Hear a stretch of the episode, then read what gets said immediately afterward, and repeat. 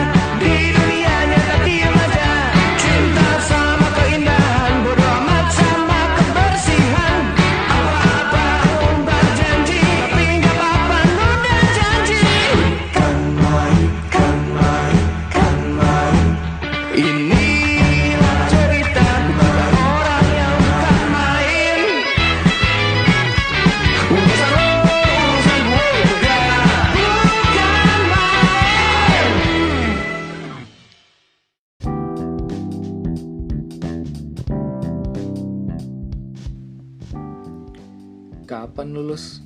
Mau kerja di mana? Kapan kawin? Kok belum isi juga? Kok nganggur sih? Kok mau serabutan? Emang ada duitnya? Kapan mati? Nah, itu adalah pertanyaan-pertanyaan yang bikin geli plus nyebelin. Itu sih sering banget kita denger ya. Gak pandang bulu, nyasar mereka yang masih muda, even yang udah berumur dan sampai udah berumah tangga. Gua kepikiran bahas topik ini gara-gara kemarin ketemu saudara gue yang udah jarang banget ketemu. Terus pas gua nyoba buat nyapa dan ngobrol dengan sangat amat antusias dan waktu dia nanya balik, dia nanya dengan pertanyaan seperti ini. Mau nyebar undangan? Mood gua yang tadinya antusias jadi kisut. Cuman karena pertanyaan itu yang nggak kisut-kisut amat sih. Gue juga ngaminin. Toh undangan juga banyak kan jenisnya. Bukan cuman undangan kawin doang. Misalnya undangan pembukaan perusahaan mungkin. Well ketika lu gua kita semakin tua dan belum nikah maka dapat pertanyaan kayak gitu jadi udah biasa. Meskipun udah biasa ya tapi tetap nyebelin sih Oke. Dalam episode kali ini gue mau ngajak kalian buat sama-sama buat nyegah biar pertanyaan-pertanyaan dan menyebelin itu gak jadi tradisi yang terus diulang di generasi kita, di generasi milenial, ya, di generasi Z. Nah, terus sekarang gue punya daftar jenis pertanyaan yang ngeselin, tapi dilengkapin sama alternatif penggantinya yang lebih beradab. Iya, beradab. Kenapa gue bilang beradab? Karena mostly ini lebih enak buat didengar. Oke lah, kita bahas satu-satu biar kita nggak nyebelin-nyebelin amat waktu kita jomba buat ramah. Check this out. Skenario 1. Ketemu temen yang mau kuliah. Nih, pertanyaan yang sering muncul di situasi kayak gini biasanya. Kok kuliah di swasta sih? Bagusan kampus negeri. Kenapa malah ambil jurusan ini? Bukannya sekarang yang dicari jurusan itu. Kamu kuliah jurusan A, susah lo nanti cari kerjanya. Ya Tuhan, gemesin ya. Cobalah kita biarin aja dulu dia nafas. Dia tuh abis dibelenggu soal ujian nasional yang gak sesuai dengan bahan ajar di sekolah. Cobalah kita support dulu sama apa yang jadi udah keputusannya dia, which is pasti dia udah nimbang semua segala konsekuensi yang ada gitu kan. Nah, ada baiknya kalimat pertanyaan tadi, kalimat basa-basi tadi diganti dengan kayak gini aja. Oh, kuliah di kampus A. Apa aja fasilitasnya? Ceritain dong, kenapa lu tertarik sama kampus itu atau jurusan itu?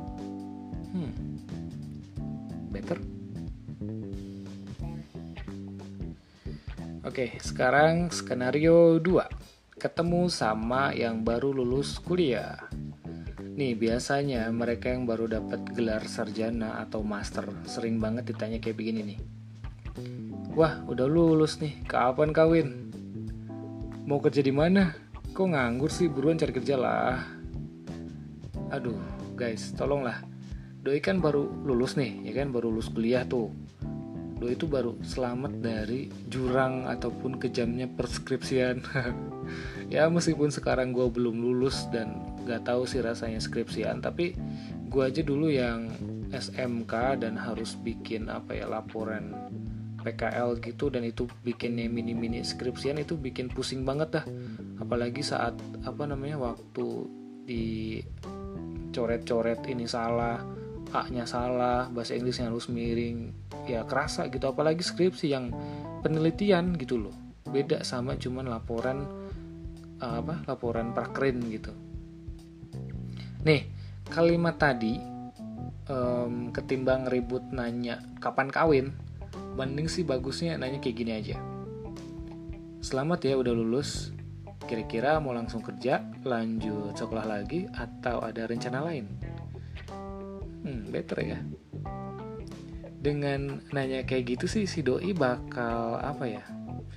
Bakal nggak ngerasa ditodong terbebani secara materi ataupun secara moral bisa-bisa lu ditabuk kalau nanya kayak tadi kapan kawin skenario ketiga ketemu teman yang baru dapat kerja nih ada survei ya dari lembaga survei nama lembaganya itu adalah epilog barometer anjay epilog barometer udah siap ngintil pilkada nih kayaknya Oke, nih mereka yang baru dapat kerja nih biasanya dapat pertanyaan kayak gini nih. Oi, lu kerja di mana sekarang? Perusahaan gede emang?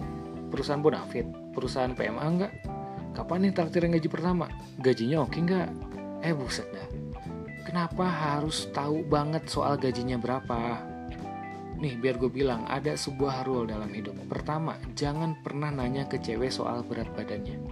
Kedua, jangan pernah nanya ke cowok soal penghasilannya berapa. Ya, penghasilannya berapa? Kita bisa asumsikan ke cewek cowok di sini. Karena that's the truth. Oh, orang nih auto marah, auto kesinggung kalau ditanya soal begituan. Itu tuh sebenarnya adalah data integrity. Sifatnya itu adalah private, confidential, kecuali kalau ngomongin soal jabatan publik ya, itu beda lagi ceritanya. Misalnya kayak wali kota, terus gubernur, presiden, itu beda lagi. Termasuk nih minta traktir. Ya boleh sih minta traktir tapi tahu waktu lah. Kalau dia baru dapat kerjaan minta traktir ya siap-siap aja bulan depan nih cicilan motor cicilan mobil cicilan KPR dia lu yang bayarin nah terus buat ganti pertanyaan auto jelek tadi mending nanya kayak gini aja sih yang simple misalnya oh kerja di perusahaan itu ya? Tugas lu ngapain aja sih? Simpel kan sebenarnya pertanyaan kayak gitu. Dengan nanya kayak gitu nih, sebenarnya doi bisa leluasa cerita dan jelasin soal kerjaannya tanpa harus ketekan dan buka-bukaan soal dapur ya kecuali kalau dianya mau ya dan yang paling penting sih bebas dari asumsi bakal ditagih traktiran cuman karena baru dapat kerjaan. Orang tuh baru dapat kerjaan ya. Sebulan pertama tuh pasti kismin dulu. Kalau nggak minjem ya dia bongkar tabungan. Bener nggak? Skenario keempat, ketemu teman yang kerjanya freelancer. Oke, freelancer, magang, pekerja lepas. Kayaknya sekarang udah banyak ya yang kerja model begini. Apalagi di di Bogor, di Jakarta, Jabodetabek lah ya. Atau di kota-kota gede, misalnya kayak Bandung, Surabaya, kayak gitu-gitu. Kayaknya udah banyak freelancer ya. Nah, eh, biasanya nih yang freelancer tuh dapat pertanyaan kayak gini nih kok nggak ngantor sih kok kamu terus kerja serabutan gak jelas ih kerjanya. Emang ada duitnya? Ya salam pertanyaan begini nih yang bikin semaneng. Sering banget nih gue dengar cerita teman-teman gue yang freelancer ngeluh karena dianggap nganggur dan gak produktif. Padahal nih ya sebenarnya kerjaan freelancer pun punya tuntutan kualitas yang tinggi dan mesti bersiasat buat jaga stabilitas keuangan. Jadi nih daripada ngelempar pertanyaan yang kesannya freelancer tuh gak jauh beda dari nganggur, mending sih nanya kayak gini aja. Wah, lagi ada proyekan apa nih? Lagi padat gak nih jadwal project? Wah, CV lu padat nih kayaknya. Lihat dong gua. Itu contoh pertanyaannya yang lebih enak ya. Tapi sih lebih bagus lagi gak cuma nanya doang, tapi sekalian kasih proyekan.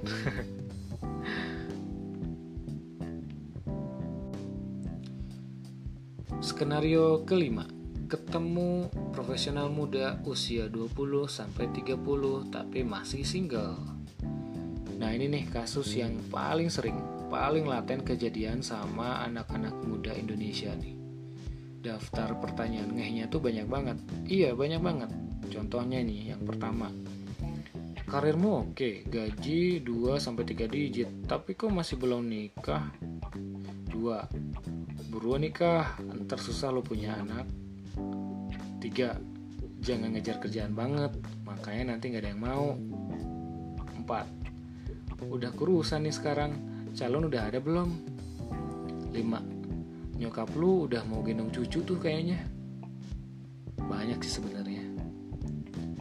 Nih ya, konon tanda kita orang Indonesia sejati itu adalah saat punya keinginan besar mastiin orang lain sukses beranak pinak. Tapi ini apa iya makna hidup seorang manusia cuma ditentukan berapa anak yang dia punya? Kalau ketemu temen yang lagi sibuk bangun karir nih better sih kita nanya kayak gini aja. Wah keren banget. Ada rencana mau nekenin bidang lain gak? Atau ucapan sederhana sih kayaknya jauh lebih aman buat ya ngehindarin gontok-gontokan di belakang.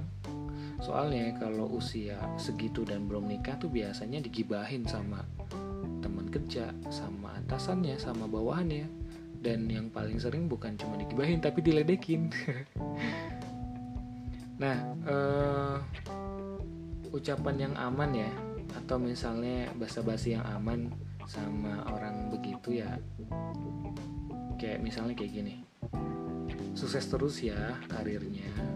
Sederhana dan ya lebih enak didengar kesannya juga nggak kayak maksa orang lain buat beranak bener nggak? Ya kecuali sih lo mau bayarin susu sama sekolahnya. Ya sekalipun itu juga yang nanya orang tua ya. Kadang juga memicu prahara keluarga. Oke, skenario keenam. Ketemu temen yang udah lama jadian. Nah, ini adalah target empuk ya para penggibah dan para pembasa basi yang basa basinya nyakitin. Iya, karena mereka tuh kalau nanya simpel tapi tapi nyakitin dengan pertanyaan simpel kayak gini misalnya kapan kawin? Eh buset kayak ke kucing ya. Kita ganti dah. Kapan nikah? Kapan ngundang? Ayolah segera lah jadi gini saudara saudari ya yang tercinta sekali lagi ya gue bilang sekali deh pokok nama biaya pamer perkawinan nih di Indonesia belum ditambah pernak pernik resepsi kostum seragam sampai print undangan catering upacara ada itu habis berapa sih? Banyak banget. Apalagi kalau misalnya kitanya gajinya WMR kapan? Gitu. Tanpa aku ditanya-tanya nih pastilah sebuah hubungan tuh berujung pada pernikahan. Kalau memang jodohnya dan kalau memang duitnya cukup. Ketika lu nggak punya pertanyaan berfaedah ya selain nanyain kawin gue pikir cukuplah kita doain aja uh, bilang gitu ya langgeng terus ya. Atau kalau mau kepo lucu-lucuan sih boleh kayak tanya cie gimana ceritanya? Kenal dari mana? Ya basa-basi tapi lanjut cerita gitu daripada langsung tiba-tiba nih ya kan uh, lu teman lama terus uh, nanya misalnya di DM atau di WhatsApp gitu nanya kabar terus tiba-tiba nanya celtuk aja kapan nikah? Eh buset. Kayak nggak ini aja ya nggak nggak etis aja gitu perasaannya. Kalau perasaan gua sih. Uh, terus juga nih soalnya generasi kita nih generasi milenial generasi Z banyak banget yang curhat di media sosial soal mereka tuh nggak suka ditanya perkara privasi khususnya soal kawin jadi ayolah kuy bareng-bareng. Kita serius ngakhirin tradisi jahiliyah kayak gitu. Jangan banyak-banyak nanya kawin. Nanti ditanya kapan mati lu juga kesinggung. Oke terakhir. Skenario ketujuh. Ketemu sama yang baru kawin. Aduh ini jujur aja sih ya ini tuh nyebelin karena biasanya yang model begini nih yang baru kawin ngerasa kehidupannya tuh udah paling paripurna. Udah jadi orang dewasa seutuhnya dan paling menjadi bagian masyarakat inti Indonesia pokoknya malah. Mereka tuh kayak udah udah pang-pangnya terus juga sering nyeramahin yang belum kawin biasanya. Tapi nih mereka juga kadang di basa-basiin sama temennya dengan pertanyaan yang gak ya misalnya kayak begini. Kapan punya anak? Tinggal di mana sekarang? Kok masih sama mertua? Eh masih ngontrak. Cicilan KPR kelar kapan? Aduh. Gini ya udah mau pas pacaran dikejar kapan kawin pas mau nentuin tanggal kawinan tetangga juga ikut ngitung. Sekarang udah nikah pun masih aja dibombardir pertanyaan yang bikin nulus dada kayak gini. Nih kalau ada temen yang baru nikah paling baik sih kalau kita ya yang ngedoain aja gitu. Misalnya langgeng ya sakinah mawadah rohmah atau bisa juga tanya gimana sih lu bisa nabung buat nikahan? Ya yeah. Question more valuable gitu. Yang nanya pun ya dapat tips dan inspirasi bener nggak?